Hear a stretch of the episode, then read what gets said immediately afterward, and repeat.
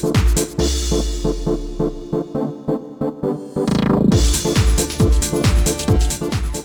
pendengar sekalian, jangan ke mana-mana. Selanjutnya Anda akan mendengarkan acara Ada Apa dengan Tony.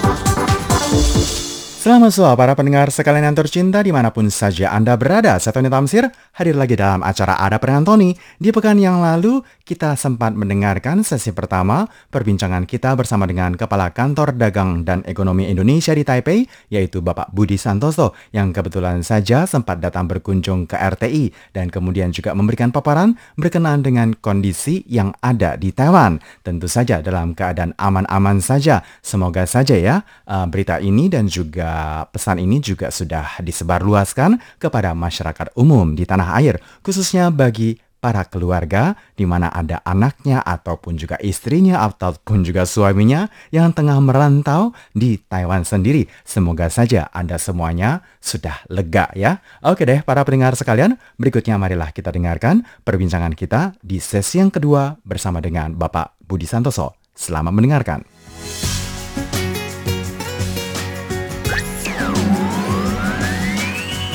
Anda masih bersama-sama RTI Radio Taiwan Internasional. Baik, sekali lagi untuk masyarakat Indonesia yang tinggal di Taiwan, uh, seperti yang sudah disampaikan oleh Kepala Kantor Dagang Ekonomi Indonesia bahwa kondisi di Taiwan ini sangat kondusif dan juga pemerintah Taiwan sendiri tentu saja tidak pernah akan melupakan keberadaan masyarakat asingnya yang ada di Taiwan dan tentu saja pemerintah Indonesia sendiri juga tidak pernah akan melupakan tentang masyarakatnya yang sedang tinggal di bumi Formosa ini. Baik Pak, uh, seiring dengan perkembangan dan juga kejadian dan tantangan yang dihadapi, apakah akan memberikan pengaruh besar Pak ke depannya Pak uh, berkenaan dengan masalah ketenagakerjaan? Mungkin saja di sini ada satu isu yang cukup menarik dan baru saja diumumkan, uh, yaitu tentang ketenaga kerjaan di mana kalau tidak salah gajinya akan dinaikkan ya Pak ya benar ya Pak ya. Dan ini mungkin saja ya Pak ya uh, Indonesia selaku salah satu yang memiliki hubungan dagang dengan Taiwan dan Taiwan menjadi salah satu investor 10 besar di Indonesia uh, mungkin Bapak bisa melihat sektor terbaru dan juga hal-hal lainnya Pak yang mungkin saja yang terbaru yang bisa diberikan kepada masyarakat Taiwan Pak. Uh, sektor investor bidang apa sih yang sekiranya menarik? Karena sekarang uh, mungkin saja di Taiwan sendiri yang mungkin saja uh, akan melihat sesuatu yang uh, green uh, policy ataupun yeah. juga sesuatu energi yang terbarukan di mana ini juga sangat penting Pak ke depannya Pak. Silakan Pak. Ya, pertama mengenai kenaikan gaji ya. Hmm. Jadi sekarang kenaikan gaji untuk sektor rumah tangga memang per tanggal 10 kemarin sudah diumumkan oleh uh, pemerintah Taiwan dan sudah naik dari 17.000 menjadi uh, 20.000 Eh, terima kasih kami sampaikan kepada pemerintah Taiwan setelah beberapa waktu yang lalu memang ada beberapa pertemuan ya antara Indonesia dengan Taiwan ya. Jadi ini khusus untuk untuk sektor rumah tangga per tanggal 10 Agustus kontrak yang baru itu naik menjadi 20.000. Kemudian bagi yang yang lama pegawai lama itu ini sebenarnya namanya upah minimal ya. ya upah minimum jadi seharusnya semua sudah naik jadi nanti imbuan-imbuan kami kepada para majikan agar segera menyesuaikan ya. Hmm. Tetapi kalau nanti kemudian kontrak yang per tiga tahun itu sudah selesai otomatis ketika kontrak yang baru itu sudah menjadi dua puluh ribu. Oh, ya. Oh, Sekali lagi ya Pak ya, uh, di sini Tony hendak sampaikan.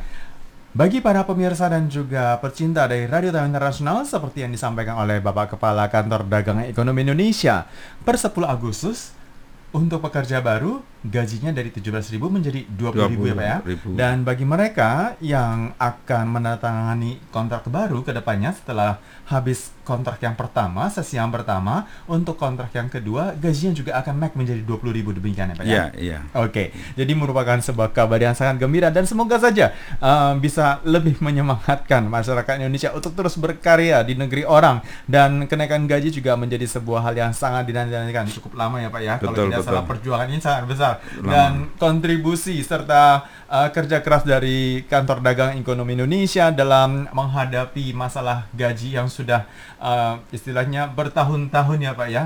Uh, mulai dari aksi demo yang harus dihadapi, kemudian juga mereka yang berteriak di media sosial, akhirnya dinaikkan juga merupakan sebuah kabar yang sangat gembira. Baik, uh, berikutnya di sini ya Pak ya, uh, di tanah air sendiri, bagaimana Bapak melihat Pak uh, jalinan hubungan antara Taiwan dan Indonesia ke depannya dan juga Taiwan sendiri yang terus membina hubungan baik dengan negara-negara di kawasan Asia Tenggara. Apakah Indonesia juga memiliki Pak uh, peluang dan juga potensi yang besar Pak? Artinya daya saing Indonesia dibandingkan dengan negara-negara di kawasan Asia Tenggara. Ya, ini mungkin sekaligus menjawab pertanyaan yang pertama tadi belum selesai ya terkait dengan investasi Iya. dan sebagainya ya. Sekarang ini kan eh, saya lihat pemerintah Taiwan, pemerintah Taiwan kan ada kebijakan New Southbound Policy Benar. ya. Jadi eh, lebih mendekatkan diri ke kawasan-kawasan Asia, eh, terutama Asia Selatan, eh, ASEAN ataupun khususnya Indonesia. Nah, kalau kita lihat sekarang sudah mulai banyak ya investasi ke Indonesia dan sekarang investor di Taiwan ini banyak juga yang datang ke kami sangat tertarik untuk eh, datang ke Indonesia ya dengan kondisi eh, iklim investasi yang cukup bagus sekarang. Apalagi kemudian ada omnibus law ya kemudian juga pelayanan investasi yang luar biasa dan juga kondisi investasi yang cukup kondusif di Indonesia termasuk juga perkembangan industri sekarang. Di Taiwan ini kebanyakan nah sekarang yang lagi rame electric vehicle ya, Hmm. EV ya, EV seperti eh, ada eh, kemarin perusahaan yang akan berinvestasi ke Indonesia, eh, termasuk yang dari Taiwan. Karena apa? Karena memang eh, kebijakan pemerintah sekarang bahwa kita tidak akan ekspor nikel ya. Hmm. Padahal nikel ini salah satu apa namanya eh, bahan baku Bahan baku logam Ya. sangat penting Pak. sangat penting sehingga mau nggak mau memang eh, perusahaan-perusahaan atau investor asing ini akan mendekatkan ke Indonesia untuk mendekati bahan baku juga sumber eh, apa tenaga kerja yang eh, yang sebenarnya banyak juga yang yang eh, ahli ya di Indonesia itu dan mungkin kalau dibandingkan dengan Taiwan Indonesia lebih murah lah tenaga Ya. kerjanya ya dan juga ada beberapa kebijakan terkait dengan insen- insentif pajak dan sebagainya dari pemerintah untuk menarik investasi ke depannya. Hmm, sebenarnya banyak sekali ya Pak uh, istilahnya uh, faktor-faktor yang lebih bisa menarik perhatian masyarakat Taiwan ya Pak ya, khususnya para investor. Mulai dari misalkan saya tadi uh, jumlah pekerja yang lebih banyak, Iya, iya. kemudian juga mungkin saja biaya upah yang lebih rendah dibandingkan dengan di Taiwan sendiri, kemudian juga mungkin saja tambang logamnya sendiri juga ada di tanah air dan juga lahan yang dibutuhkan juga ada. Sebenarnya semuanya memenuhi persyaratan ya Pak ya untuk Iya. bisa berinvestasi di Indonesia dan juga kebijakan misalkan saja omnibus law sendiri dan juga keringanan pajak yang diberikan. Nah, uh, bagaimana Pak ke depannya Pak? Uh, sepengetahuan Bapak selaku Kepala Kantor Dagang Ekonomi Indonesia tentang kebijakan Indonesia untuk menarik lebih banyak lagi investor Taiwan ke Indonesia. Langkah apa yang akan dilakukan Pak ke depannya Pak? Ya, jadi ini ada beberapa juga ya, eh, misalnya seperti kemarin banyak asosiasi juga yang eh, datang ke kami. Ternyata ketika satu perusahaan itu datang ke Taiwan, maka nanti ekornya banyak. Rantai ya? Rantainya ya Mhm. banyak. Jadi kemarin asosiasinya sudah datang bahwa kami akan support di ininya, di itunya dan sebagainya. Jadi eh, bagaimana kita mendekati sebuah eh, investor untuk datang itu ya tadi banyak yang akan ikut. Nah itu yang kita lakukan adalah bagaimana pendekatan-pendekatan kepada eh, investor eh, di Taiwan ini menjelaskan, mensosialisasikan tentang iklim investasi di Indonesia dan keuntungan-keuntungan untuk investasi di Indonesia. Nah, seperti juga misalnya tenaga kerja ya, kita itu kan Indonesia itu anak mudanya kan banyak, ya anak mudanya banyak. Jadi pemerintah itu apa istilahnya take care young people gitu ya. Mm. Tapi kan ada banyak negara lain itu malah take care orang tua, ngurusi orang tua, tapi kita ngurusinya orang muda. Jadi sebenarnya ini peluang yang besar, bahkan mungkin saking banyaknya ada juga yang bekerja di luar negeri kan Iya. gitu ya. Jadi eh, kalau perusahaan-perusahaan asing ini bisa mendekatkan ke eh, apa namanya rantai produksi yang lebih murah ya dan lebih efisien, maka memang sebaiknya datang ke Indonesia. Mhm, mhm. Dan eh, di sini ya Pak ya, kalau misalkan saja ingin berinvestasi ke Indonesia Pak ya, pertanyaan yang paling penting Pak, yang kerap ditanyakan dan juga sering eh, Tony dengar sendiri, bagaimana halnya dengan kondisi keamanan di Indonesia, Pak? Apakah ada jaminan dari pihak pemerintah sendiri berkenaan dengan keamanan untuk berinvestasi? Karena ini juga menjadi salah satu hal pertimbangan, Pak. Ya, dengan dengan omnibus law itu itu sebenarnya uh, banyak peraturan terkait dengan investasi yang akan menjamin keamanan investor atau investasi di Indonesia dalam jangka panjang. Hmm. Ya.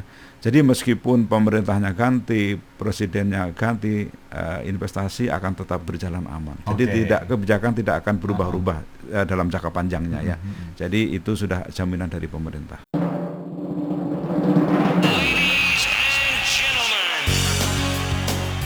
Inilah Radio Taiwan Internasional.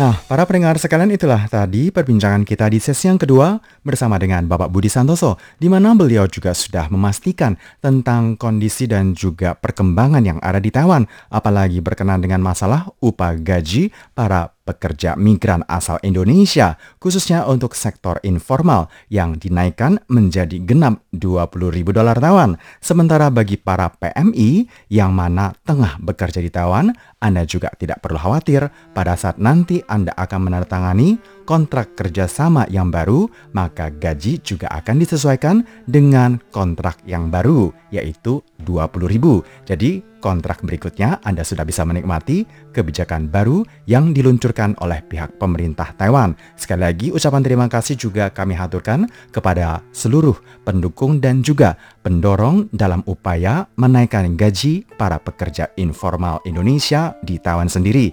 Baik para pendengar sekalian, usai sudah pertemuan kita di dalam acara Ada Perengan Tony Pekan kali ini dan jangan lupa untuk sesi berikutnya, sesi penutup di pekan depan di dalam waktu dan acara yang sama. Sampai jumpa. Bye-bye.